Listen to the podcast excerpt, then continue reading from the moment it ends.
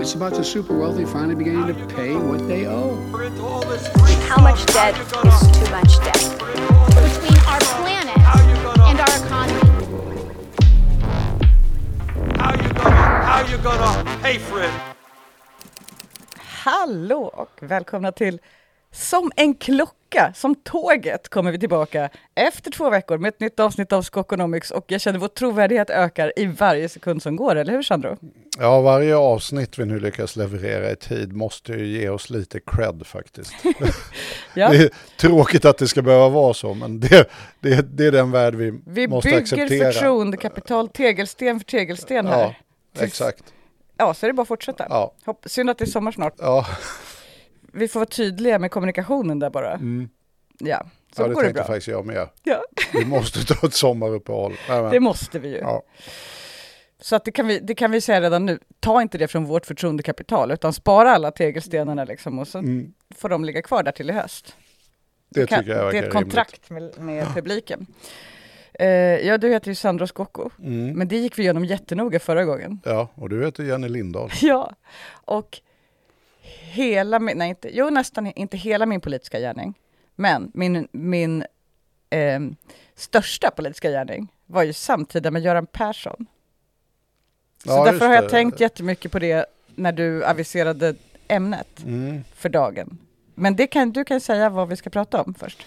Ja, jag, jag tänkte att vi faktiskt skulle ta upp det här med det finanspolitiska ramverket. Det har ju kommit några ändå intressanta rapporter och utspel på området. Svantesson, vår finansminister, sa att hon ville initiera den här översynen av det finanspolitiska ramverket. Lite svajigt, men typ nu, eller så snabbt som möjligt, eller någon gång i varje fall. Det ska i alla fall snackas snart. Det ska snackas snart ungefär. Det var, det var lite... Vi behöver inte vänta med att det, snacka det om var det. inte det mest precisa utspelet måste jag faktiskt säga. Därför att egentligen ska ju då den här översynen så som det här är då tänkt att göra, som man ändå måste då kanske ha med sig, det är att 27 så ska man ta ett nytt beslut. Då ska det antingen, men beslutet betyder inte att man måste ta något annat beslut, men man ska be- besluta om, ska det fortsätta som nu eller ska vi göra någonting annat? Och den förhandlingen eller överläggningen kallas då översynen, men där man pratar med varandra, den skulle då börja 25. Och då skulle man ju ha i runda slängar två år att eh, komma överens om man vill göra någon ändring eller inte. Så den enda egentligen förändringen som Svantesson eh, levererade var att nej, jag tänker inte vänta till 25 för att prata om de här frågorna. Utan vi börjar typ så snart som möjligt. Jag ska ringa lite samtal. Men vi avslutar ungefär samtidigt. Det var det som inte framgick tyckte jag första vändan i utspelet. att det fortfarande var ambitionen. Man, det, därför då hette det ju vi tidigare lägger översynen och därmed så tidigare lägger man ju så att säga också när man ska göra förändringen. Därför jag, då låser man de här två åren och säger okej börjar vi nu då kan vi göra förändringen 25. Det är som om någon skulle ringa och säga "D- det är ditt 9 till 11 möte imorgon. Det är bara 7 nu. Men lite så, om ditt 9 till 11 möte bara 7 och det går under benämningen tidigare lagt Ja. tror man istället att det är mellan 7 och 9 då. Mm. Det är tidigare lagts två timmar. Tidigare lagt och förlängt är det ju då. Ja, exakt. Va? Och det framgick inte riktigt. Men nu har det kommit något slags klargörande här som eh, att, att hon fortfarande tänker sig att ändå då själva så att säga, förändringen ska ske 27, vilket gör att man ska då alltså sitta och klia sitt huvud i fyra år, more or less, istället för två. Det finanspolitiska ramverket då är faktiskt eh, någonting som är rätt viktigt. Det är så här, vi var ju inne på det lite Mm. förra avsnittet, det här med spakar och grejer, reglage man kan dra i. Det här är ju ett väldigt stort reglage. Eh, och väldigt tekniskt Mm. eh, reglage.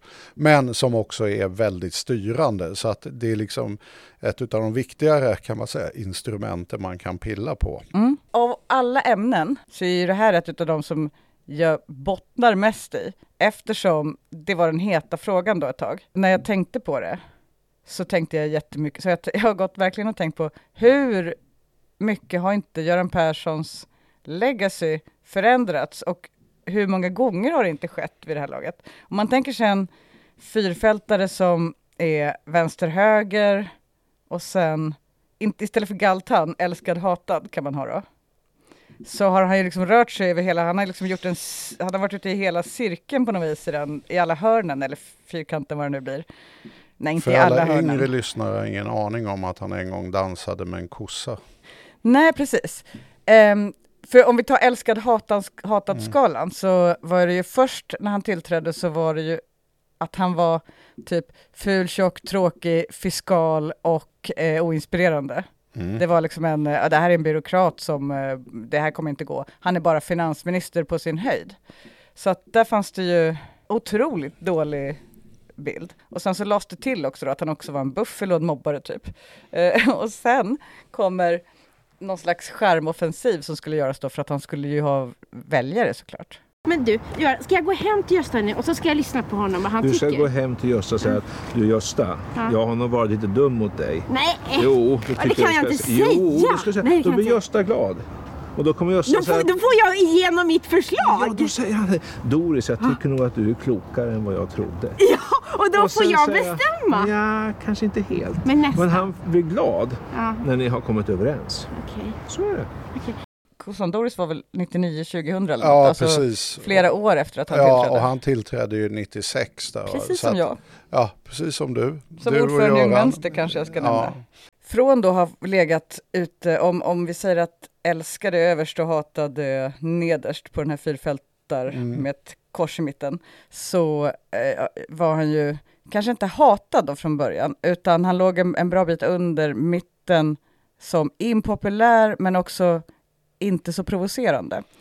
Eh, sen så la man på, det, i, eftersom det här är politik och man försöker misskreditera varandra och så vidare, så lades det på väldigt mycket egenskaper efterhand som då skulle göra honom mer hatad, som till exempel buffel, och det följde ju efter honom hela tiden.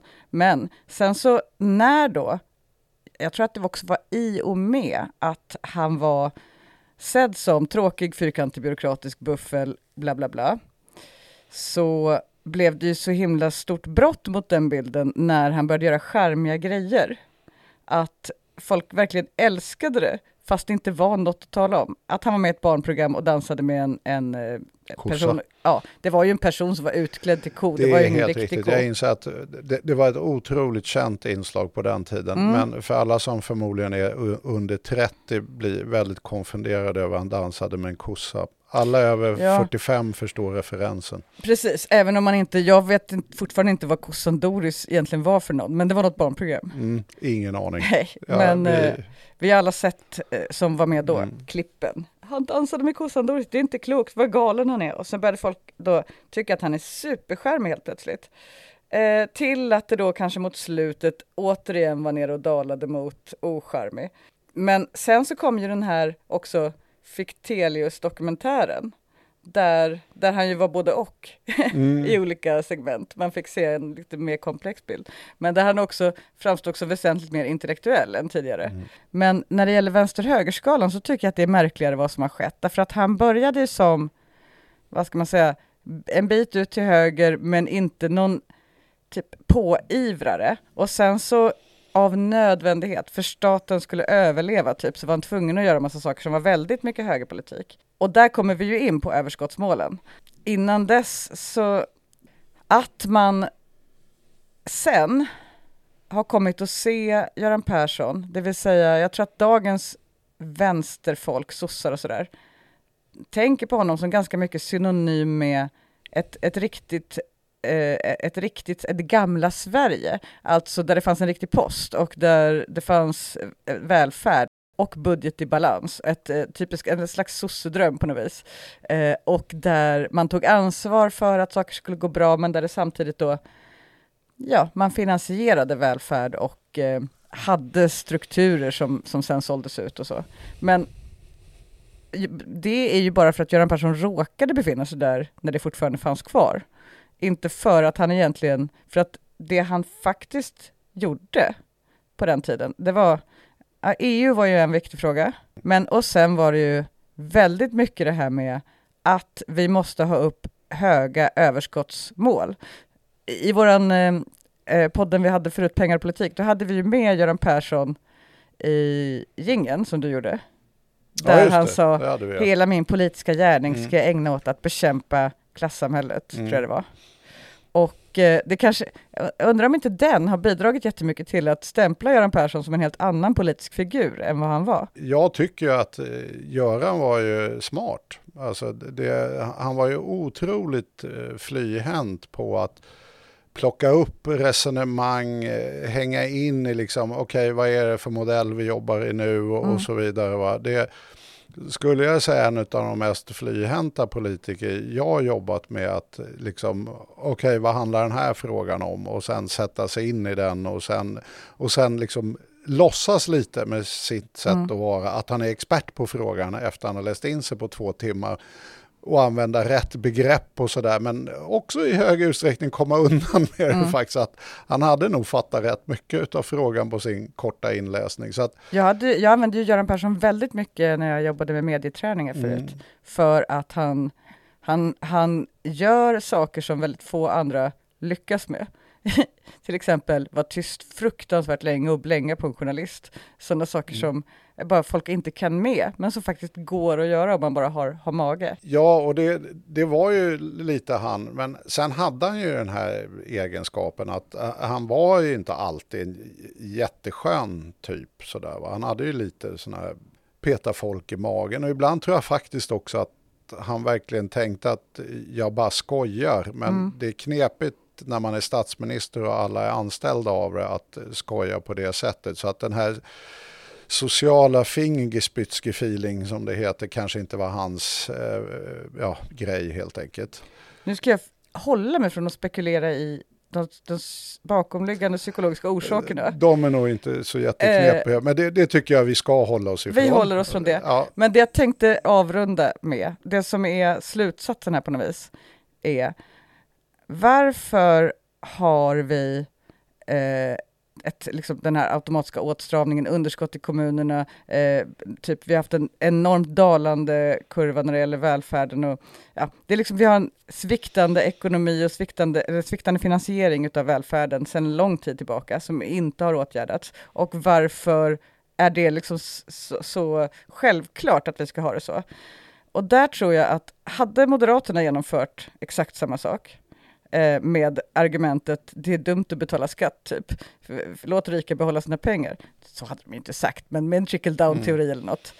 Då hade folk tyckt, usch vad dåligt att de vill att rika ska ha pengar istället för välfärden. Men det Göran Persson gjorde, och han är en otroligt skicklig retoriker, det var att han sa istället, den som är satt i skuld är icke fri. Jo, men det, det var ju liksom lite hans trick. Ja, Eh, att, och plötsligt så liksom är det så att oj, om inte vi vill vara för evigt skuldsatta, om inte vi vill eh, typ vara slavar åt någon slags oklar utländsk bank eller något, då måste vi, då måste vi skära ner på alla våra utgifter i välfärden. Ja, fast det...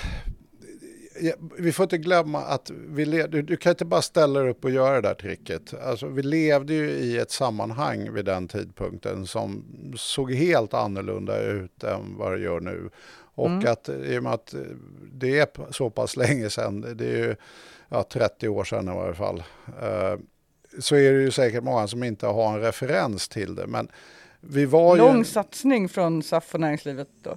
Ja, men du måste ju typ vara någonstans plus 45 för att ha någon slags eget minne av 90-talskrisen. Mm. Eh, Och man bör komma ihåg 80-talet för att förstå 90-talet ja, ba- när det gäller politiken. därför det är också, 90-talskrisen är ju en baksmälla på det som hände på 80-talet. Så att man kan hålla på sådär. Va? Men det, det stämningsläget som var när krisen löstes ut och den är ju inte sådär äh, att man känner att det inte finns några likheter med dagens värld. För att då var det nämligen just att skulder och krediter i framförallt privat sektor hade exploderat under andra hälften av 80-talet.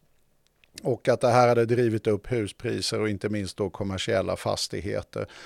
Och 90-talskrisen var ju när den där liksom pendeln vände. Eh, typ SBB i dagens värld då. Att, vet, och det, SBB på den tiden hette Nyckeln. Men det är ju ett fastighetsbolag. Yes. Eh, och, och de har ju gjort det här standardtricket som då också alla gjorde på 80-talet, som var i branschen. Eh, enorm skuldsättning, lever på kraftigt stigande fastighetspriser. Det döljer att det egentligen inte finns någon ordentlig affärsmodell i botten. Och sen när det där vänder, då går det ju väldigt fort utför. Det var precis det som hände i början på 90-talet. Och startskottet var den här nyckelfastighetsbolaget som kraschade och sen började allting så sakteliga krascha som hade gjort samma affärsmodell och så hamnade ju allt det här hos bankerna och så fick vi en stor bankkris därför bankerna blev i praktiken konkursmässiga. Alltså, och då bryter ju hela betalningssystemet ihop. Och så så att det, det var ju inte så, så att vi höll på med duttade med smågrejer utan Är det du försöker säga att han var tvungen att göra så? Verkligen inte. Sen exakt vilken politik man för. Jag försöker bara sätta bildsättningen mm. nu. Och här regerar ju då vet, borgarna 91 till 93 och har väl typ världshistoriens sämsta krishantering. Eh, det är det som är så farligt när folk tror på sin egen propaganda. Va? Därför att det, det, gör ju att man kan bli en duktig politiker i och med att du är verkligen övertygad om de dumheter du säger. Men Den enda det, vägens politik. Ja, men det är jättedumt när man ska styra ett land och tro på sin egen propaganda. Då mm. borde man ha lite mera ja, klokskap inblandat. Eh, så att de sänkte ju skatterna i ett läge då där ekonomin var på, helt uppenbart på väg mm. in i allvarliga statsfinansiella problem. Alltså att statsskulden växte väldigt snabbt. Och det kom ju naturligtvis i spåren. Jag tycker också det här statsskuldspåret blir alldeles för ensidigt. Liksom att det, det var inte så här, oh, wow vad vi lånade pengar, utan vi hade system som de flesta nog känner igen, mm. som vi kallar för a-kassa och mm. lite annat smått och gott. Och de, de tenderar ju då att öka när det blir hög arbetslöshet. Och det värsta för statsbudgeten är ju det att när man får sparken från jobbet, då slutar man ju betala skatt. Så att du får ju mycket mindre inkomster från statens sida när någon går till arbetslöshet. Men du får dessutom mycket högre utgifter. Och det där, om man då har en arbetslöshets, eller man kan börja med en tillväxtchock till att börja med, att ingen vill investera längre, byggbranschen går precis som den gör nu, tok ner, arbetslösheten stiger, tillväxten går ner. Ja, då landar allt det där i, via automatiska stabilisatorer i vet du, statsskulden. Mm. Eh, och det ska man ju ta då egentligen som stat. Då säger man ja men det gör vi ju för att stabilisera ekonomin. Därför att om alla de här som blev av med pengarna skulle inte ha råd att gå och handla, då skulle bara den här ekonomin bara förvärras och förvärras och förvärras därför att efterfrågan skulle försvinna så snabbt. Mm. Så vi ser till att de har lite pengar i plånboken så tokkraschar inte ekonomin. Vi hamnar inte i djup depression så att säga som vi inte klarar av att häva eh, därför det blir liksom ett självspelande piano mm. neråt. Eh, så att det där är ju liksom enligt modell. Mm. Eh, kan man säga. För, bara, det här jag sa, Den som är satt i skuld är icke fri, är en bok som Göran Persson skrev som statsminister. Jag vet inte om han skrev hela, men... Eh, det gjorde han garanterat inte. Ganska men... lång för att vara, ha ett busy jobb. Kom ut på mm. Atlas förlag, men som handlade just om frågeställningen eh, ja, hur man skulle rädda Sveriges ekonomi eh, och sanera statsfinanserna. Och ett av de svar som liksom fanns i det här paketet var ju, eller kanske det grundbulten någonstans, är ju att sätta ett överskottsmål. Ja, men det är ju det att, vet, det är det jag menar att det blir det här överfokuset just på skulden. Men mm. det, just det var ju politik. Det här var ju också i en kontext av en högervåg internationellt yep. sett. Att det liksom hela nyliberalismen hade från att vara en pigg revoltör på 80-talet blivit det totalt dominerande paradigmet på 90-talet. De hade nått sin medelålder idémässigt kan man säga. Men det jag tycker, så här, anledningen till att Göran Persson tycker jag är så intressant att prata om här är hans skickliga framing, som man kallar det, är, är så pass stark. Han bar det verkligen med sin så här pondus, att jag är ståthållaren, min uppgift är att hålla reda på plånboken och så vidare. Och du, du tog upp EU där. Mm. Det var ju inte Görans eh, liksom, baby, men däremot så hade han ju en baby, även Göran. Och det var ju däremot EMU. Mm.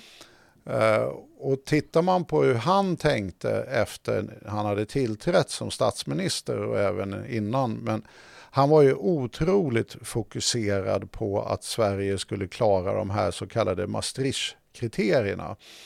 Eh, och det mest så att säga tuffa Maastricht-kriteriet som han var jättefokad på, det var ju eh, 60% i vet, bruttoskuld, då, eller i så kallad Maastricht-skuld där då hela offentlig sektor ingår, det vill säga också kommuner och regioner. Mm. Så den så att säga totala offentliga skuldsättningen.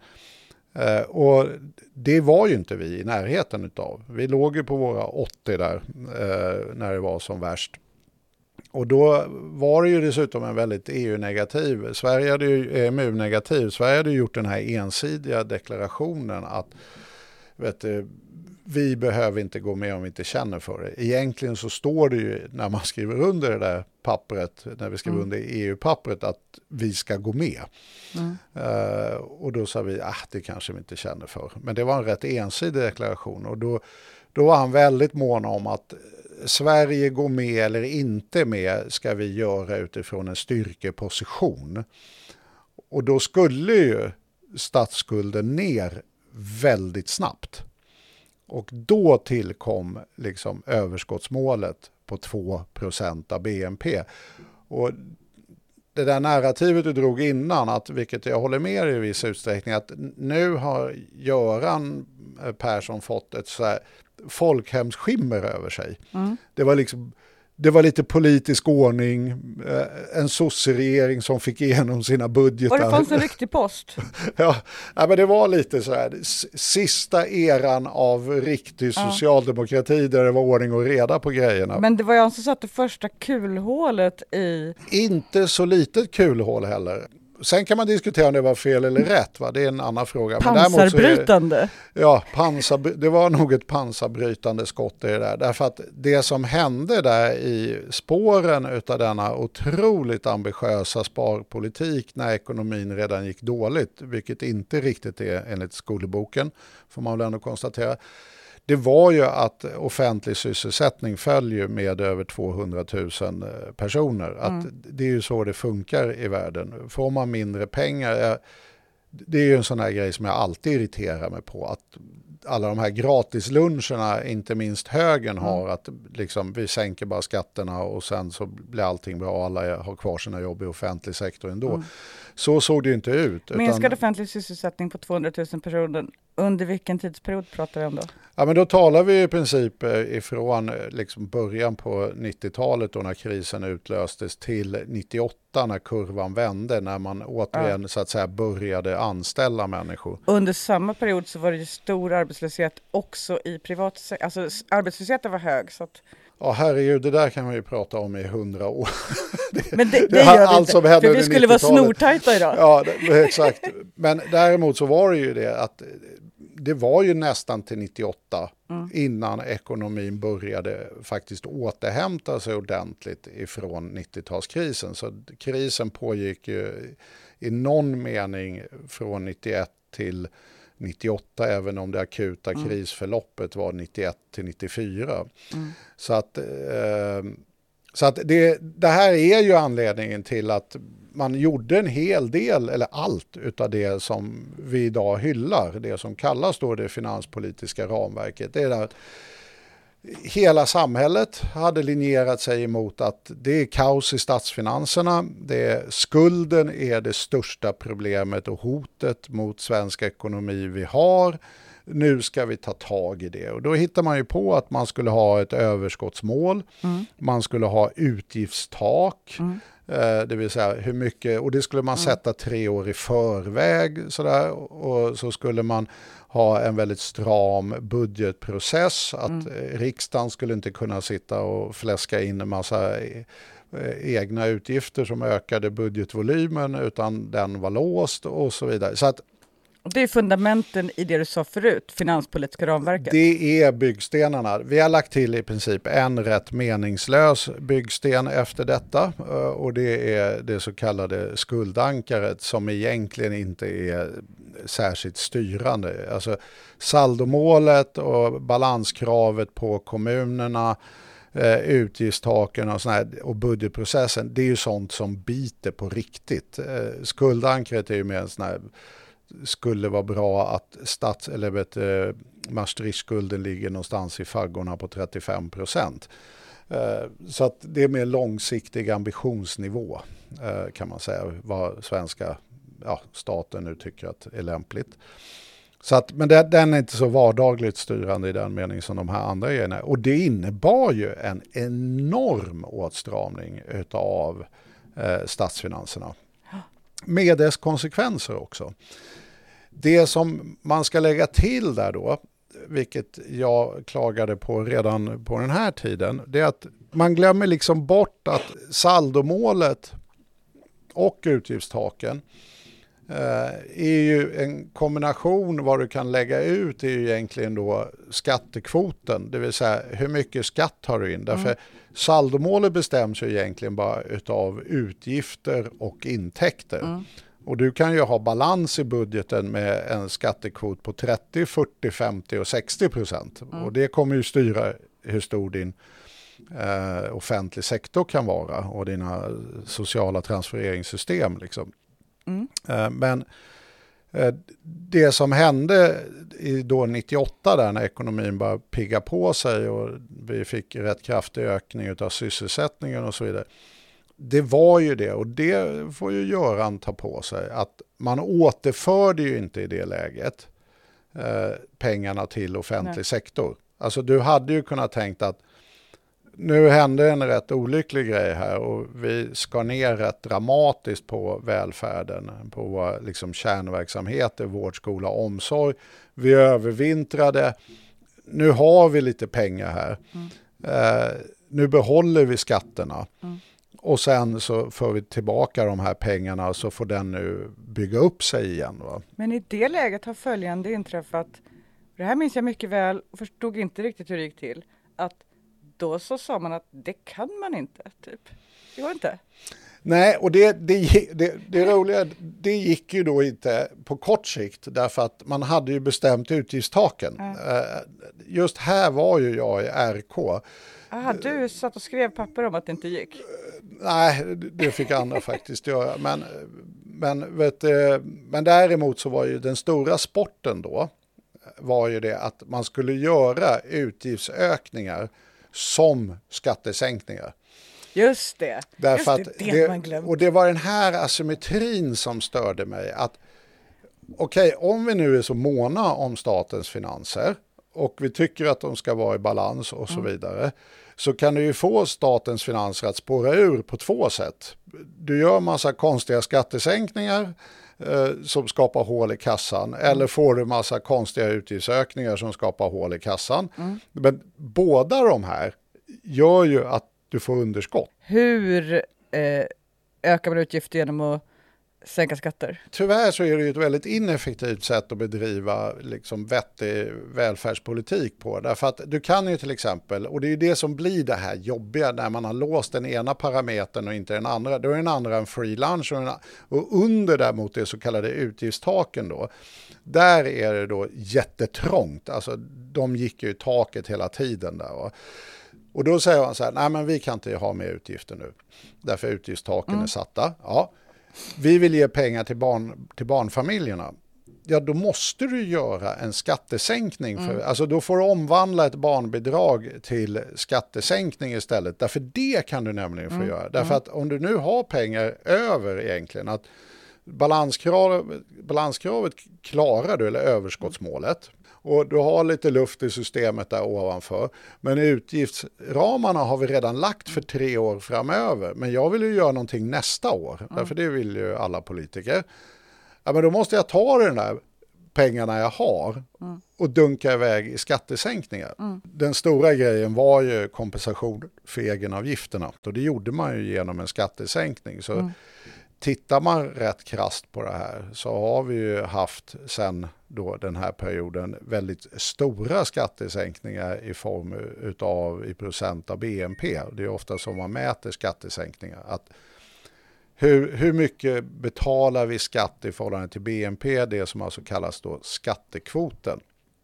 Och vet, eh, då var det ju så att vi pikade ju någonstans på eh, 50 procent utav skattekvot, eller skattekvoten var ungefär 50 procent. Om ni är ovana vid att höra skattekvoten så kan det bero på att Timbro till exempel kallar det skattetrycket. Alla använder ju som inte är vänster eller skolad vänster rättare sagt skattetryck. Det är helt riktigt. För att det är bättre att ta ett negativt ord. Det är hela planen. Skatteskavsåret, skattehuvudvärken. Ja, det är lite åt det hållet. Men det är en kvot. Det är en kvot. eh, och det är ju mellan de totala skatteintäkterna och du, BNP helt enkelt. Och då får man ju så, så här mycket betalar vi i skatt i förhållande till vad vi producerar som är BNP. Och då när det pikade då eh, så betalade vi ungefär 50 procent eh, i skatt. Och det var ju det som då finansierade helt enkelt. Vilket år var det då? Eh, 1990, tror jag, mm. 91 till och med kanske det var. Men det var precis i början där på 90-talet. Mm. Uh, och och då kan man ju säga det att ja men det var väl mycket eller lite, det kan man ju säga olika uppfattningar om. Vad fick vi för pengarna kan man säga? Ja, och vad fick vi då för pengarna? Det är väl det som är helt enkelt eh, den enkla svaret på det att vi hade mycket starkare socialförsäkringssystem, det vill säga vi såg till att samhället var något mer jämlikt. Ja. Det var liksom familjepolitiken var mycket starkare, a-kassan var mycket starkare och så vidare. och Så mm. vidare. Så att det, det jämnade ut livsförutsättningarna för befolkningen till en del. Eh, den andra delen handlade ju helt enkelt om att det betalade löner i offentlig sektor. Eh, och sen har vi ju konsekvent eh, egentligen gjort skattesänkningar och det är väl där man får vara lite ja, ärlig och säga att det var inte bara eh, regeringen Reinfeldt som kom på att man kunde göra skattesänkningar utan det här hade ju med det här asymmetriska, enligt mig då, mm. finanspolitiska ramverket att göra. Att liksom, man hade satt massa regler för hur ekonomin ska skötas. Och sen den regeln gjorde att det var alltid liksom lite free lunch att göra mm. en skattesänkning, men det var jätteknepigt att höja mm. utgifterna. Och de reglerna blev på något vis untouchable politiskt. De blev en överideologi kan man nog säga. Liksom allt annat kan man ändra, men inte de reglerna. Nej, och, och det är det som är det, det är det som jag tror är den stora, riktigt, riktigt stora olyckan med det som hände på 90-talet är att det fördummade hela det politiska samtalet. Därför att mm. det var inte ens sant att det var så, inte ens när det gjordes. Alltså, det var en bedömning att den stora utmaningen för samhället nu är att vi har alldeles för snabbt stigande skulder, att vi är i en situation som är farlig för en liten öppen ekonomi. Så att där fanns det många som tyckte att vi behöver fixa till det här på olika sätt. Mm. Uh, och då riggar man ju ett system som var egentligen riggat just för att vi bedömer att det här är det största problemet vi har. Mm. Så nu riggar vi ett system som ser till att vi hanterar det problemet. Eh, och det mm. gjorde man, mangrant. Man riggade verkligen, nu, nu kommer skulderna gå ner. Och det har också sådana här mekanismer att göra. att om du sitter och ska gissa vad tillväxten är på finansdepartementet, därför det är det du gör, mm. då kan ju du tänka att okej, okay, om vi ska få det här överskottet och vi ska ha det här och de här utgifterna och med den här BNP och så, då kommer inte du sitta och gissa i överkant på BNP. Därför då riskerar ju utgifterna att bli för höga. Utan en rätt naturlig, sådär, även till och med utredarskäl skulle ju vara så här, man, man får göra ett konservativt antagande om vad tillväxten är om ett, två, tre år. Och så jobbar man så där. Det är ju bara att om det här konservativa antagandet överträffas, hade man stått vid år noll då, det vill säga att tillväxten blir högre år tre, då hade man ju sagt så här, oh, wow, fan vad cool, då kan vi ju ha ett högre utgiftstak. Men nu hade du ju redan låst utgiftstaket. Och det var ju precis det som hände i slutet på 90-talet. Det här med låst, bara, nej det är låst. Och det var ju, och det, det går inte att Vi förstå. kastade nyckeln. Nej, och det går inte att förstå vilken enorm helighet dessa Nej. värden hade. Att så här, nej, man bryter inte utgiftstaket. Nej. Har vi satt det tre år framåt så ändrar vi det inte. Absolut inte bara för att verkligheten råkade ändra sig. Det blev sämst att vara vänster också för då var man tvungen att ha, ens budskap var så här, vi vill ha bort överskottsmålen. Det är inte inspirerande. Nej, det är inte heller så inspirerande.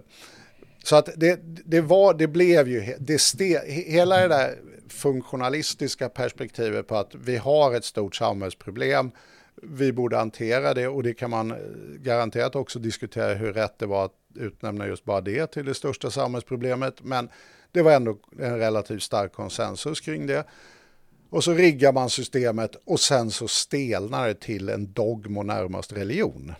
Eh, och, och det är inte så lyckligt för det intellektuella samtalet. Eh, och det är det som är så märkligt att vi fortfarande, så här, 30 år senare, närmast lever i denna dogm. Det är det som gör Svantesson cool trots att det enda är hon ska göra ett förlängat samtal.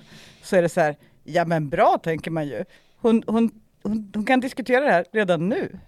Jo, fast lite justeringar har man ju gjort. Va? Alltså man, man, ursprungsmålet när Göran var så mån om att komma in, i, eller komma in, det visade sig ju sen att han var mån om att komma med i EMU, men det var han ju faktiskt inte då, utan då var det mer det här, vi ska ha en styrkeposition och jäda jäda. Eh, då var det ju 2% i överskott. Eh, och sen föll det ju till en och sen föll det ju 19 till en tredjedels procent i överskott. Och det kan ju låta jättefjuttigt, men då ska man ju komma ihåg att en tredjedels procent på BNP är ungefär 20 miljarder. Så att det är inte, det är inte fickpengar eh, i varje fall. Så att, eh, Nej, det är väl en hel, eh, ett helt utgiftsområde i budgeten, kulturen eller så. Ja, det råkar ju vara faktiskt exakt det välfärden saknar nu för att upprätthålla sin personal. Eh, Så att det, Sammanträffande. Ja, så att det, det är ju inte, vi skulle kunna undvika krisen i välfärden som vi just genomlider med en tredjedels procent av BNP. Men så att det här blir ju stora pengar på en sån här nivå. Kommer du ihåg att vi förutspådde att det här skulle försv- alltså typ att ungefär nu så skulle det här luckras upp. När vi pratade i samband med pandemi eh, Mm. i podden då, så sa vi okej, men nu kastar man ju bara iväg pengar hur som helst verkar det som. Och då pratade vi just om att det här kommer ju leda till att det blir väldigt svårt att säga sen att de här överskottsmålen är heliga. Ja, men det har ju skett. Nu försöker man ju verkligen återetablera dogmen å andra sidan. Det måste man säga. Samtidigt är det inte så himla enkelt. Va? Därför att det, det är också det här, den internationella debatten de senaste 15-20 åren har ju rusat iväg ifrån den här positionen Sverige intog på 90-talet och har ju en helt annan syn på världen. Och det har ju, måste man säga, tongivande nationalekonomer, sådana som brukar sitta i Finanspolitiska rådet och så vidare, varit enormt immuna emot att ta till sig den internationella debatten och ny forskning. Kanske inte borde vara en forskares främsta kriterium, men De har tagit fjärde vaccinsprutan mot mot att påverkan. byta uppfattning. Ja. Eh, utan de har ju närmast varit vestaler utav detta system. Men inte ens de kan stå emot eh, liksom i all evighet. Och det tycker jag är rätt kul när man nu tittar på Finanspolitiska rådets senaste rapport angående just det här. Att, därför det, det Svantesson flaggar för nu, det är ju egentligen det som eh, Socialdemokraterna lyfte redan 19, att de ville ha ett balanskrav istället för en tredjedels procent. Och ville tidigare, 2019. ja, Inte hela historien 1900-talet. nej, 2019 eh, så lyfte de att vi skulle gärna se att det var balans istället för en tredjedels procent. Inte världshistoriens största dramatik, men ändå. Och det är ju egentligen samma fråga nu som Svantesson är ute och luftar fyra år senare då. Att eh, nu kan jag tänka mig att vi ändå börjar prata tidigare.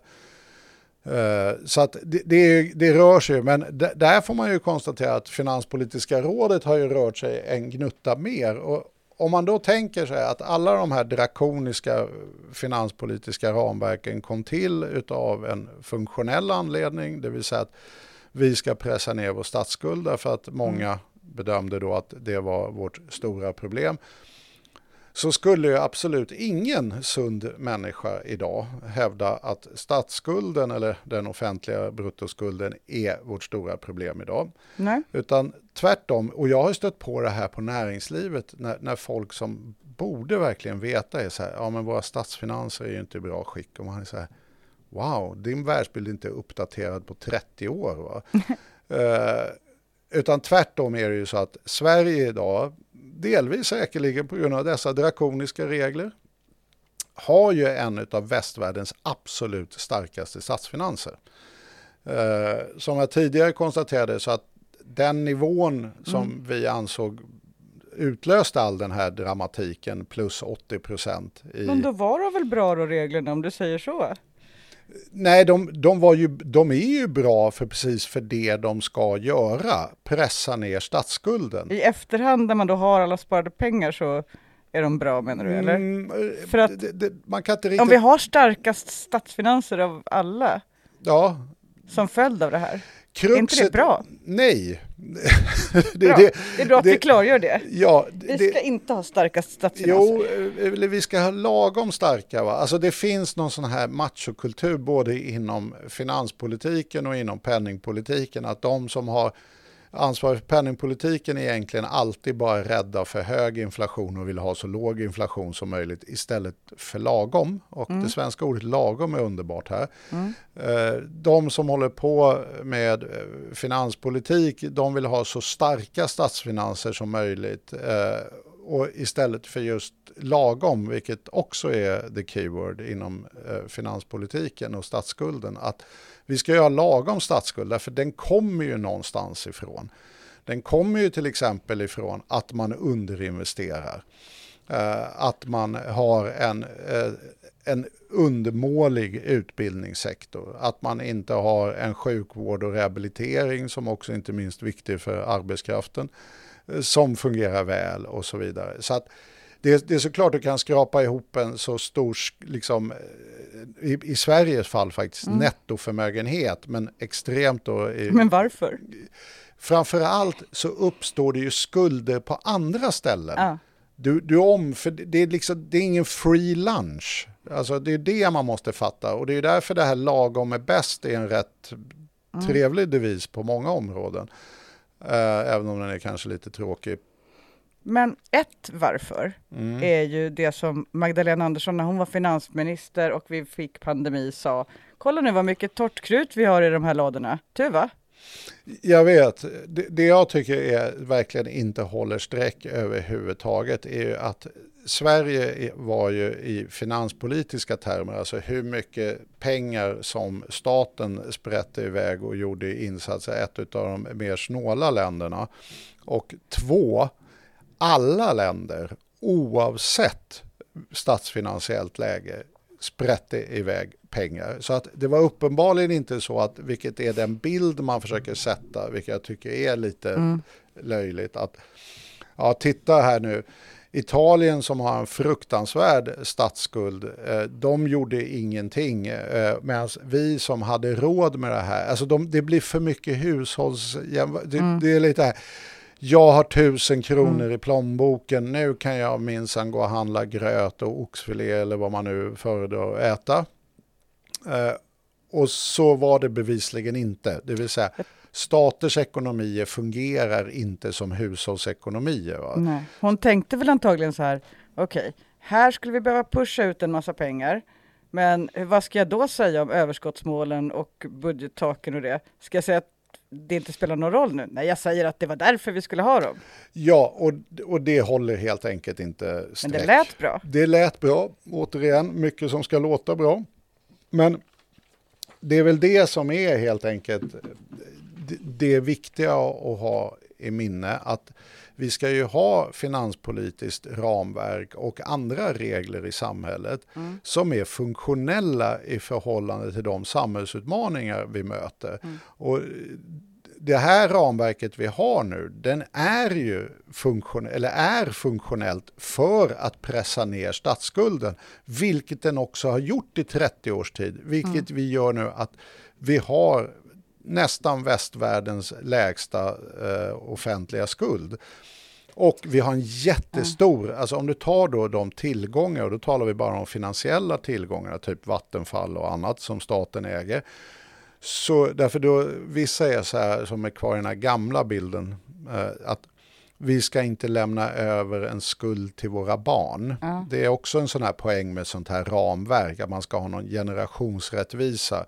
Vi ska inte leva loppan och sen lämna över den skulden till våra barn Men så gick- de får svälta. Gick det inte utmärkt att de som styrde på 50-talet levde loppan och lämnade skuld till oss? Ja, fast de lämnade ju inte så mycket skuld som vi hade i början på 90. Men Nej. däremot så stämmer det inte heller, för det måste man ju titta på tillgångssidan också.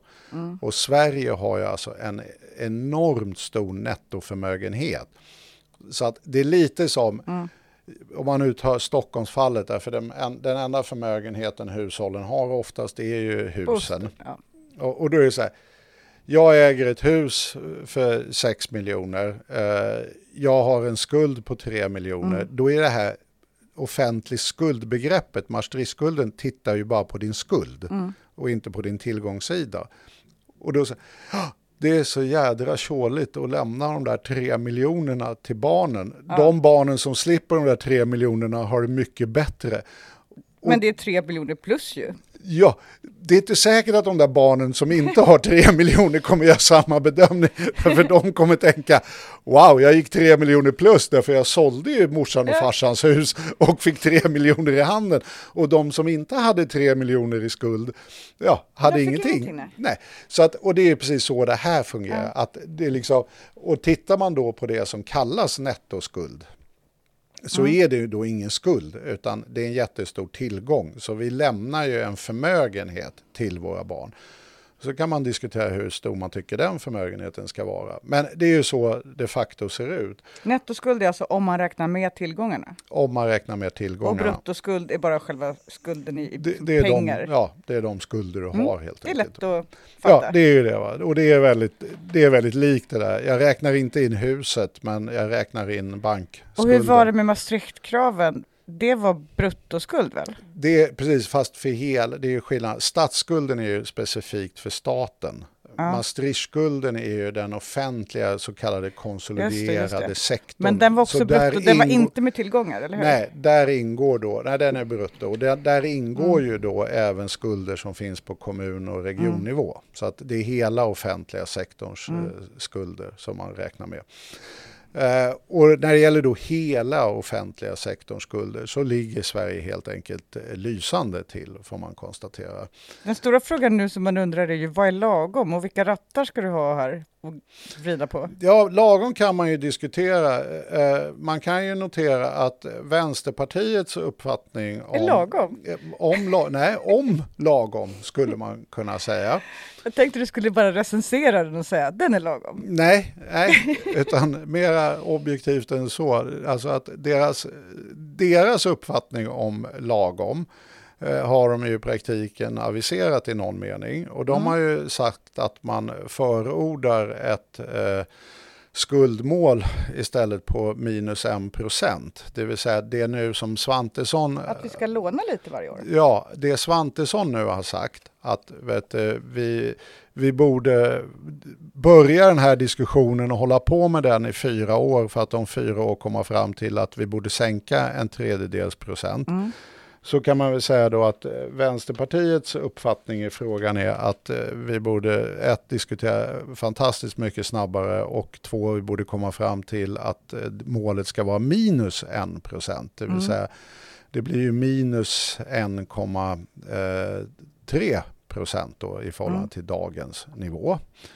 Eh, och det, det kan man ju då vet du, undra, och det, det är också lite roligt att det där utmålas ju gärna då som eh, Gud var oansvarigt. Mm. Eh, så kan vi inte hålla på. Vi har ju ändå vår kära dogm att Mm. hålla oss till. Men då har man glömt alla tidigare avsnitt om vad vi behöver pengar till. Precis, och det roliga är att nu börjar det ändå hända grejer. Eh, och, det, och det är ju då det finanspolitiska rådet som jag talade om tidigare, som nu ändå har läst lite Det här förutspådde vi också i saltvatten sötvattensekonomiavsnittet för länge sedan. Japp, det, vi har varit on track här. Hela tiden. Jo, men förr eller senare så måste ju liksom på något sätt världen anpassa sig. Man kan inte driva sin egen lilla låda i all evighet. Nej. Liksom. Och, och det visste man ju när vi sa det. Men samtidigt ändå när alla andra säger nej, nej. Nej, jag håller med dig. Motståndet har ju varit mördande. Och, Man och det, lite osäker ändå. Tänk om alla har rätt. Ja, jag känner aldrig så. Eller det var Men, mest du, jag bara hakar på mest. Men Ja. jag visste inte ens vad en saltvattensekonom var innan. eh, nej, men alltså det, det som händer nu är ju ändå väldigt spännande för då lilla Sveriges del att vi nu faktiskt får upp en sån här debatt. Därför att eh, när det här då aviserades att vi, vi borde, det mer konkreta förslaget från Vänsterpartiet var ju att vi, vi borde pausa eh, överskottsmålet eh, och så får man återkomma vad man tycker ska vara efteråt, men i tio års tid. Mm. Och under den här tioårsperioden så borde man ha ett underskottsmål på 1%. Och anledningen till detta var ju det att vi står inför nu eh, exceptionella investeringsbehov som är kopplat till att vi måste ställa om hela ekonomin. Det fanns eh, mot då att vara klimatsmart eh, och inte släppa ut något koldioxid. Precis. Det måste byggas och fixas och grävas en väldig massa för att vi ska kunna ställa om till klimathållbart. Det är ju allt ifrån effektiv kollektivtrafik till tåg till bygga Mm. ut hela du, elinfrastrukturen för transportsektorn, för alltså bygga ut själva elproduktionen Mm. och nätverkskapaciteten. Tillverka stål för att vi ska kunna ha stål till att bygga ut med. Ja, och dessutom behöver vi energieffektivisera, göra stora vet, eh, renoveringsprogram, i, inte minst i miljonförorterna med att eh, energieffektivisera dem och så vidare. Läser du till nu? Nej, det gör jag faktiskt inte. Det är sådana grejer jag plockar upp i huvudet. Okej, men i så fall så sa du det inte med någon inlevelse. Eh, det, det- får jag faktiskt ursäkta med. Att det gjorde jag faktiskt bara för att jag just nu håller på och letar efter den specifika formuleringen. för det jag ser med mina ögon är att du scrollar och pratar monotont. Så nu tänkte Ja. jag, sitter han bara och läser grejer? Nej, ja lite grann faktiskt. Nej men det gör jag inte, men jag ville hitta den där meningen. Men, nej, men det roliga nu i varje fall med det här med att hur, hur fort också det nog kan gå. Det du vet, när man väl börjar röra sig så vet Mm. man aldrig riktigt. En dogm har ju lite den egenskapen i och med att den inte bärs upp av något ärligt intellektuellt eh, arbete och underbyggnad. Utan den är ju just en dogm. Den bygg- bygger på att ingen tillräckligt stark röst får säga motsatsen. Ja, exakt. Och att alla tror på Ja. den. Va? Och att det, det är troendet som är viktiga i en dogm. Petar man en bricka, Ja, så riskerar hela bygget att rasa ihop. Och då vet man inte riktigt, vilket är också, om man nu ska vara ärlig, dogmförespråkarnas argument att jo, jo, det här kanske inte riktigt är ärligt, men vet, eh, vi kan inte hålla på och pilla det här för folk typ måste ha någonting att tro på. Eh, ja men vad sjutton, som om folk tror på finanspolitiska ramverket. Nej, men, jo, men lite är ju samhällsklimatet sådant. Alltså det är ju fortfarande så att du kan ju avfärda nästan allt med att det är statsfinansiellt oansvarigt och Visst, så vidare. Men folk går inte omkring och tänker så här, vad, vad, är, vad är mina värderingar? Ja, det är att jag tror på det finanspolitiska Nej, nej, ramverket. det gör de inte. Men det, jag menar det är mer så här, vad fungerar att säga och Ja. peka ut motståndare som och hur hamnar man i skamvrån? Mm. Och då är ju det här ett av de mest effektiva sätten att så fort någon vill göra någonting så är det Mm. så här, oansvarigt, eh, det kommer bli 90-talskris. Har du en sedelpress i källaren eller? Ja, så att det där är, men, så vi får väl se var det här landar. Men det jag skulle komma till var i alla fall att Finanspolitiska rådet då En viktig bricka att knuffa. En, vik, en, faktiskt en sån här ur det här tykonomics, att liksom, det börjar röra på sig där nere i Mm. fundamentet. Eh, För det är så man ska tolka det. Eh, Att det här betyder att etablissemanget är på väg att justera sina uppfattningar i Sverige. Mm. Sist av alla förvisso, men ändå. Ehm, Och det är nämligen det att de har nästan tagit Vänsterpartiets förslag. Eh, och det är lite kul och räknat på det. Eh, naturligtvis inte genom att säga att nu har ju Vänsterpartiet föreslagit 1% i minus och göra klimatinvestering utav det, därför det skulle ju verkligen tära på självförtroendet. Eh, utan de har istället sagt att vi står ju inför rätt stora investeringsbehov, inte minst klimatet. Är det vettigt kanske att ha ett underskottsmål så att vi klarar de här? Och vi skulle ju kunna pausa det under en period. Vad innebär det? Och då pausar de det i åtta år istället för tio. Och de sänkte det till eh, två tredjedelars procent istället för en procent. Men det är väldigt nära Vänsterpartiets faktiskt ursprungliga förslag med faktiskt exakt samma motiv dessutom. Men alltså får jag fråga? Om nu Vänsterpartiet och Finanspolitiska rådet för tio år sedan säger att det här är liksom, man står på var, varsin sida av en, en bro eller något, eh, ja, spelar roll vad man står på. Eh, man står i alla fall väldigt långt från varandra, så långt från varandra man kommer här på skalan. Och nu står man bredvid varandra. Vem är det som har flyttat sig? Är vi på mitten eller är det liksom, vad har hänt? Nej, jag skulle säga att det är ensidigt Finanspolitiska rådet som har flyttat sig. Gött. Det beror nog lite på vilka ordförande. Nu är Hei, Heikensten, jag kallar honom för Heiken, Mm. Som vi det är gillar. lite väl familjärt kanske. Som Men, vi gillar. ja, En favorit. ja, men han är ändå en trevlig och klok person. Och om man jämför det till exempel med en person som Hassler, Ja, som också det. är en känd nationalekonom. Herregud, och ja. Sen hamnade drag. som ledarskribent på Expressen under en period och så vidare. Eh, Där men kändes det ju liksom nästan drivande från Finanspolitiska rådet. väldigt dogmatiskt och väldigt drivande skulle jag säga. Eh, nu är det en lite mer så här eh, luftig attityd och lite mer intryck av att det händer grejer i omvärlden.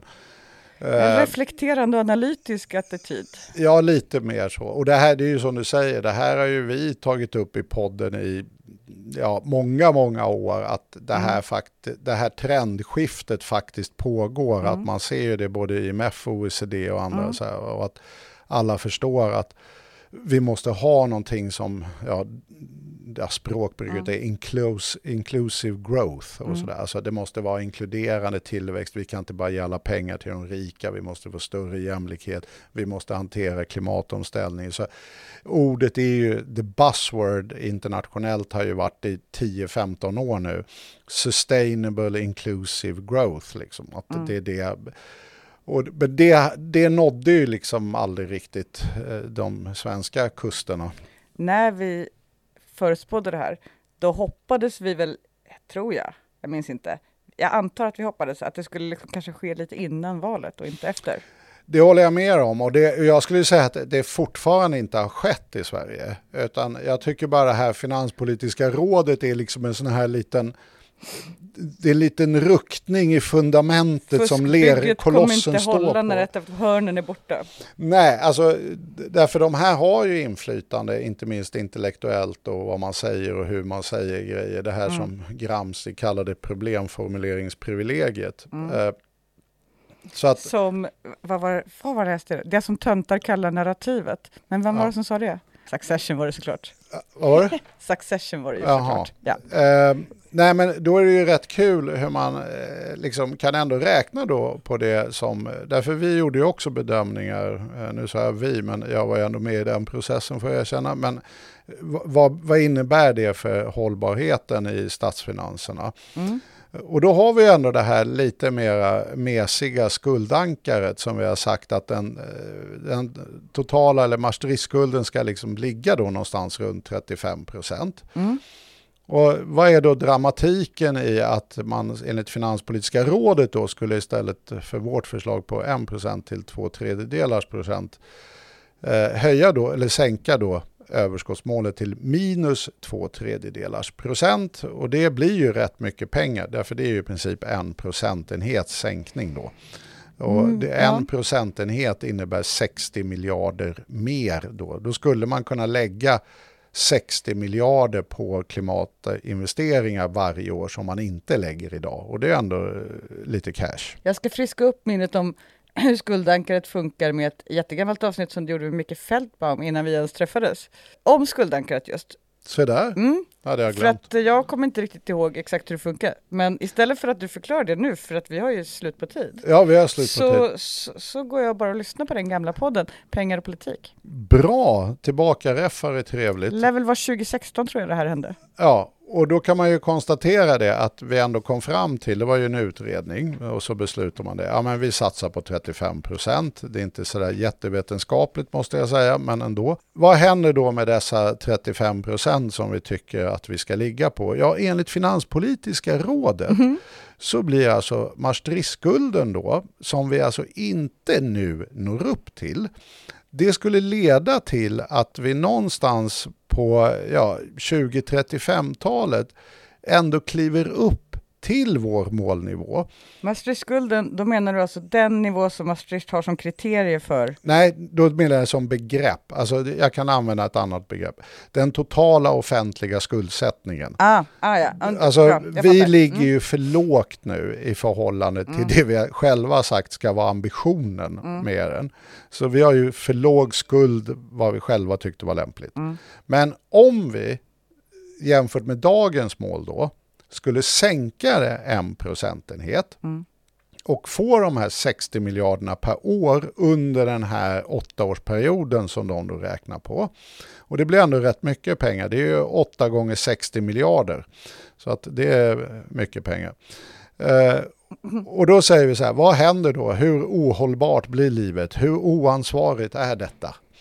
Eh, jo, det är så oansvarigt att det skulle faktiskt leda till att vi ungefär når upp till den ambitionsnivå vi har satt på 35 procent.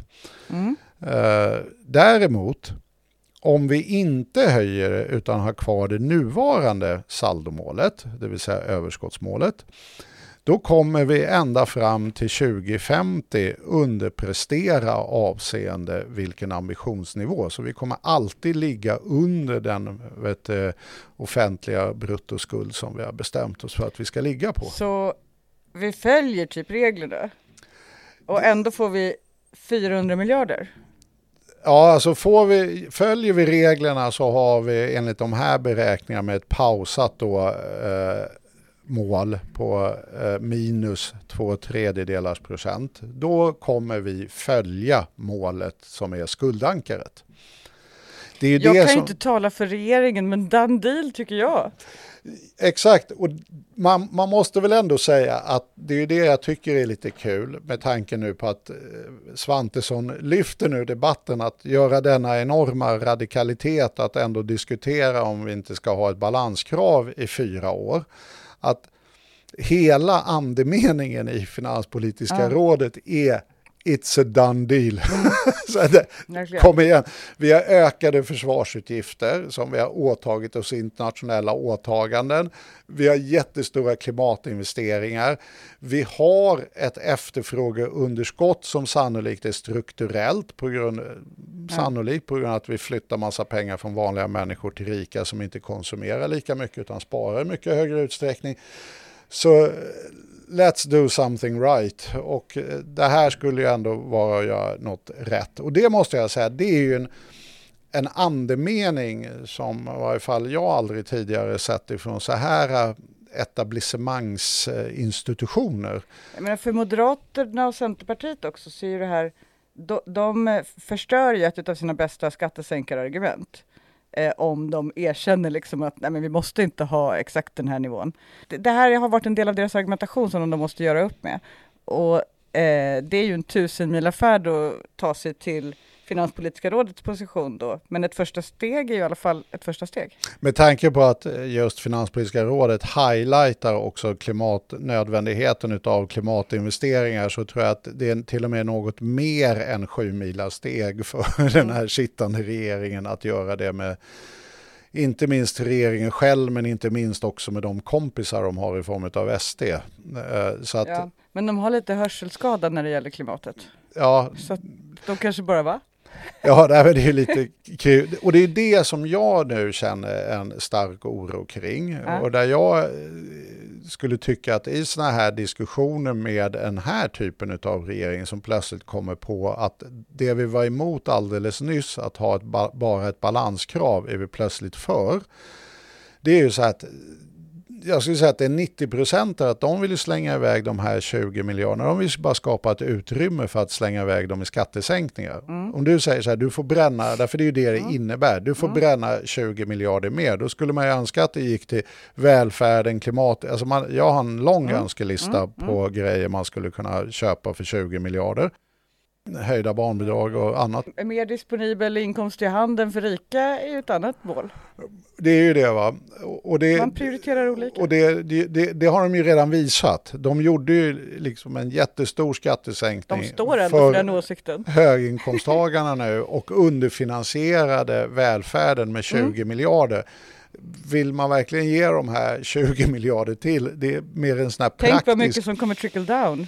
Ja, exakt. Det är ju det vi aldrig får glömma. Men, så att jag tror att det vi måste diskutera är naturligtvis underskottsmål och att vi bör ha ett underskottsmål eh, under en period och att det är rimligt och rätt och att det är snarare sunt och riktigt än att det är något konstigt och statsskulden är inte som på 90-talet något som helst problem och det är ingen som tycker det heller som man gjorde på 90-talet. Men vi måste ju också diskutera att vi behöver ju inte finansiera allting med underskott. Alltså, vi har nu gått ifrån ungefär 50% i skattekvot till 41,5. Det är alltså det är drygt 8 procentenheter utav BNP. Alltså om man då, som jag sa tidigare, tänker att BNP är 6 000 miljarder så är det i runda slängar ungefär 500 miljarder som vi saknar i eh, statskassan idag. Eh, Och det är inte så lite pengar. Alltså jag vet att siffror blir så här bara wow, det är många nollor. Men Jag tycker alltid det brukar bli 400 eller 40 miljarder. ja, typ så. Men om man då tänker istället vad det här skulle kunna innebära så skulle man ju, även om man räknar in lite kapitalkostnad på en lön, så är ju det här någonstans i faggorna 400 000 fler anställda i offentlig sektor om man skulle lägga alla pengarna på offentlig sektor. Nu ska man nog inte göra det utan man ska nog rusta upp lite socialförsäkringssystem också. Eh, Men det- är enormt mycket pengar som spelar på riktigt en enorm roll. Va? Och, nu, Ja. men, och, och då kan man ju sådär tycka att ja, men vi, jag tycker inte vi ska gå tillbaka till 90-talets peak på 50 procent. Ja, men då kan man ju bara tänka sig, ja men okej, då går vi tillbaka till 1978 då. Men vi behöver alltså du har ju räknat ut det här ju. Eh, det går ju att lösa och fortfarande ha starka statsfinanser. Det är det ju, men det är ju den här, det ena är ju liksom hur man balanserar sina utgifter och intäkter. Det andra är hur mycket intäkter man tar. Och tänker vi nu att vi ska ta lika mycket eh, skatt som vi gjorde 1978, Ja. eh, därför 91, så, eller 90-91 där så pikade ju. Va? Och då låg det ju lite drygt 45 procent eh, i skattekvot. Det betyder ju fortfarande att om man la alla pengarna på offentlig sektor så skulle man kunna anställa i rund, runda slängar 200 000 personer. Och nu kommer då den lilla abrovinken om nostalgi, att folk tänker så här, ja det var ju på 70-talet, det var ju då välfärden fungerade. Så att jag nöjer mig med att höja skattekvoten 4 procentenheter och så säger vi att då får vi de här pengarna och så kan vi laga lite och lappa lite i socialförsäkringarna och skicka pengarna till välfärden så vi kan anställa folk. Ja, det vi, det vi glömmer då när det gäller välfärden är ju helt enkelt att vi är fantastiskt många fler, många fler äldre idag. Och vi hade inga klimatsatsningar på 70-talet. Nej, men nu talar vi bara om välfärden. Ja. Eh, Så att, du, och, och då är det så att skulle vi ha samma pengar så skulle de inte räcka lika långt som de gjorde 1978. Därför att behoven är så mycket större. Mm. Vi har så många fler som är liksom i 70, 80 och 90-årsåldern. Det är samma personer som var ungdomar då. Det är ju det och då hade vi faktiskt en rätt trevlig demografi. Eh, och det har vi inte riktigt längre. Eh, den är inte så dålig men den är, den är ändå inte riktigt bra. Va? Så att vi har ju helt enkelt jämfört med 70-talet mycket större behov eh, med den befolkning vi har nu, även per capita så att säga. Va? Man sprider ut det så blir det så att det är dyrare helt enkelt med välfärd idag för att upprätthålla samma kvalitet. Därför det är fler människor som behöver den. Och då, då ska man ju vara medveten om det att är man äldre eh, så drar man alltså den stora, stora lejonparten utav alla sjukdomsrelaterade och omsorgsrelaterade utgifter du har för en person ligger tre år innan du dör. Eh, och det talar ju om lite vad, hur kostnadsmassan ser ut när befolkningen blir lite äldre så uppstår det här låter jag så det- otroligt teknisk och brutal, men närheten till döden uppkommer för fler personer helt enkelt. Också samma generation här, samma personer som, som då nu är gamla och, och sjuka. Mm. De rökte faktiskt i bilen på 70-talet, det minns jag. Ja, det gjorde de. Det är helt sant. Jättemycket. Ja. Så att det är inte konstigt att det har blivit så här. Nej, vi kan ju ta det här Lena Andersson-perspektivet. De får skylla sig själva. Eh, Fast så kan, eh, för att grejen är, det blir ju ändå vårt problem eftersom de råkar vara våra föräldrar. Det är helt riktigt. Så att det spelar ingen roll, det går inte att...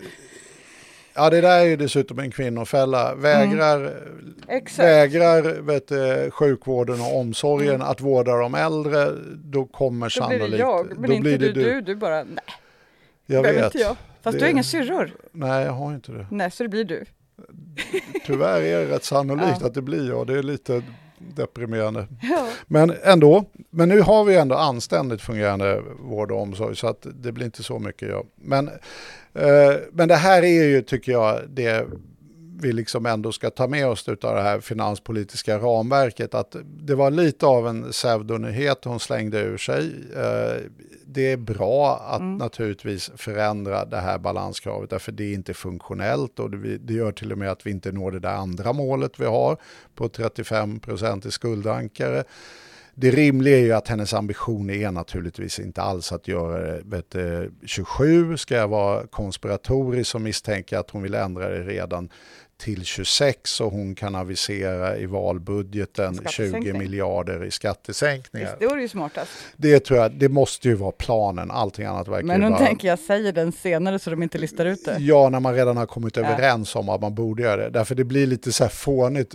Vi ska bara sitta två år till och prata om det här. Mm. Eh, Så att det är väl förmodligen planen. Jag tycker inte det är en bra plan. Vi behöver faktiskt höja skattekvoten och inte sänka den. Och framförallt på höga inkomster och kapitalinkomster. Men framförallt tycker jag budskapet när man tittar på de här siffrorna utåt, eller, liksom, eller inte utåt, när man tittar på dem utifrån vad som händer, så är det ju så att det, there are no free lunches. Vi har tagit bort enorma intäkter i det offentliga och det ser vi också på den liksom, nivå vi har både på våra socialförsäkringar och eh, vår välfärd. Och det som händer nu, återigen, är exakt samma grej. Att nu underfinansierar vi välfärden med 20 miljarder. Och vad läser man i tidningen då? Ja, till exempel att eh, 500 tjänster ska kapas i Göteborgs grundskola. Det, det, så hårt är sambandet. Det är liksom mer pengar i handen efter skatt. Eh, men också massa saker som då saknas. Och det vet vi ju som bekant att om du då är svinrik så är det klart att då tjänar du på den diffen. Om du inte är svinrik så gör du inte det.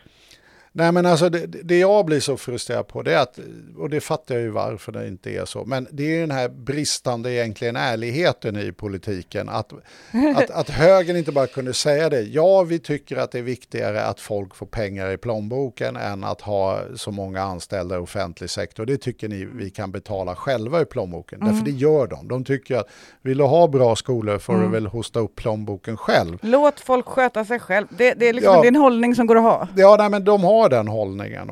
Utan, Men de säger inte så. Nej, och det är det jag tycker är problemet. Därför nu valde den här regeringen, verkligen gjorde det här valet att vi gör den här jättestora skattesänkningen för höginkomsttagare i årets budget. Och det leder till att man underfinansierade, givet det finanspolitiska Mm. ramverket, för du ska ju få ihop ekvationen, så underfinansierade man offentlig sektor och sen läser man i tidningen om att 500 tjänster ska kapas i grundskolan i Göteborg. Är- Sambandet är inte svårare än så. Men det, det är faktiskt det. Men det är väldigt svårt att egentligen skapa ett djupare folkmedvetande om detta mycket enkla samband. Att, Ja. Därför man kan, ja, ja men det är väl kul att höginkomsttagarna fick skattesänkningar. Ja, det är inte lika kul när läraren i plugget, eller ditt barns plugg, får sparken. Men den här planen då med, okej nu skrapar vi ihop en massa välfärdspengar genom det här tioåriga moratoriet och genom eh, nya procentmål. Eh, och då kommer vi få en massa pengar att använda. Man kan ju se det som att man liksom gör massor med högar, jag vet inte vad vi ska med krut till egentligen, men om vi nu måste ha krut Mm. som ska vara torrt i ladorna. Alltså torrt krut i ladorna är ju att ha skola, utbildning etc. Och att ha, ehm, jag menar alla de här sakerna som vi investerar i klimatet, det vill säga att, att inte ha f- f- eh, typ förstörd eh, livsmiljö. Ja, ja, nej, jag men, menar, det är ju väldigt torrt krut tycker jag då. nej, men det är ju det. Det är det som är skillnaden mellan finansiella tillgångar och reala tillgångar egentligen. Men verkligen. Vi, vi fattar ju inte riktigt det här med reala tillgångar när de blir lite mer abstrakta.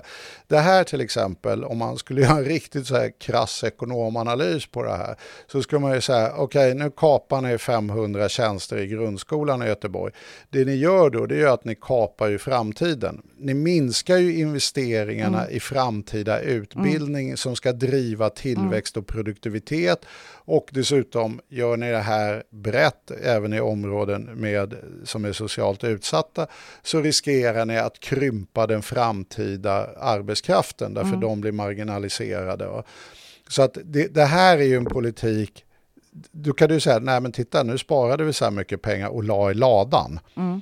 Jo, fast du la någonting i ladan. Du behövde sjukhussängar och grejer i ladan. Ja, exakt. Det, den här ladan-liknelsen blir väldigt problematisk därför att det som i framtiden kommer att bestämma vår tillväxt, det är sånt här. Om vi har de här 500 tjänsterna i grundskolan eller inte.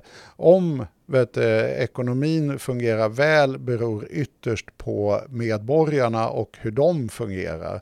Och då är ju världshistoriens sämsta affärsidé är ju till exempel som USA att sätta en jättestor del av sin befolkning i fängelse. Det är inte produktivt. Och det finns det ju skäl till naturligtvis. Eh, Så att, att hålla ihop ett samhälle, få det att fungera väl, få människor att delta i arbetskraften, ha hög utbildning och så vidare. Det är ju framtiden för ett samhälle.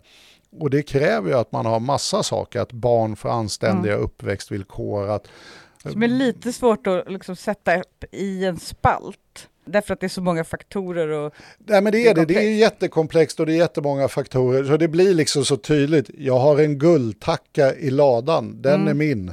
Okej, men jag har en hälsosam och arbetsför och utbildad befolkning i ladan. Ja, Släpp ut dem. ja. exakt. Nej, men, nej men det är lite så, det är, det är väl lite det där liksom, man, man slutar att mata kossan därför man sparar pengar. Ja, Och det, sitter och tittar på sina pengar och sitter på sina pengar. faller död Men, ja, Mm. och, det, och lite så är det ju den här kosseliknelsen. Jag vet inte om den är väl lämplig kanske. Men, vet, Den kändes eh, rätt. Ja men den här, du vet, man saknar inte kossan förrän båset är tomt. Nej. Eh, Och det, det, är det är nog lite lika.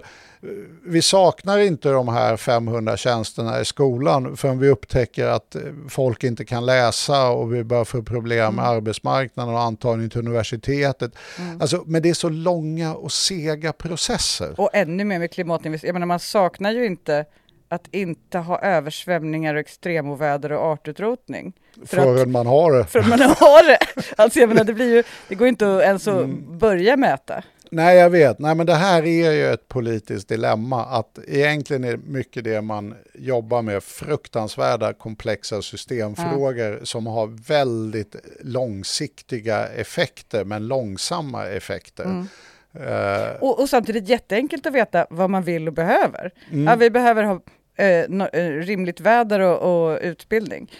Men eh, för den, att göra kopplingen till hur man ska skruva på alla rattarna i systemet och penningpolitiken och Mm. alltihopa, det kan ju inte liksom, man göra. Men det kan ju du. Så att, jag menar, jag fattar inte, magikern har gjort det igen. det är ju helt otroligt. Alltså, profeten från båten, han, han var förutspådd allt, räknade ut allt. Nej, det är helt otroligt. Mm, ja, men vilken entusiastisk avslutning här. Men ja, det, det var lite om finanspolitiska ramverket och Svantesson och Moderaternas senaste utspel i frågan. Och hur vi löser allt. Och hur vi löser allt. Tack så mycket för det då, Sandro. Tack själv. Ha det bra. Ha det Hej då. bra, hej! Så.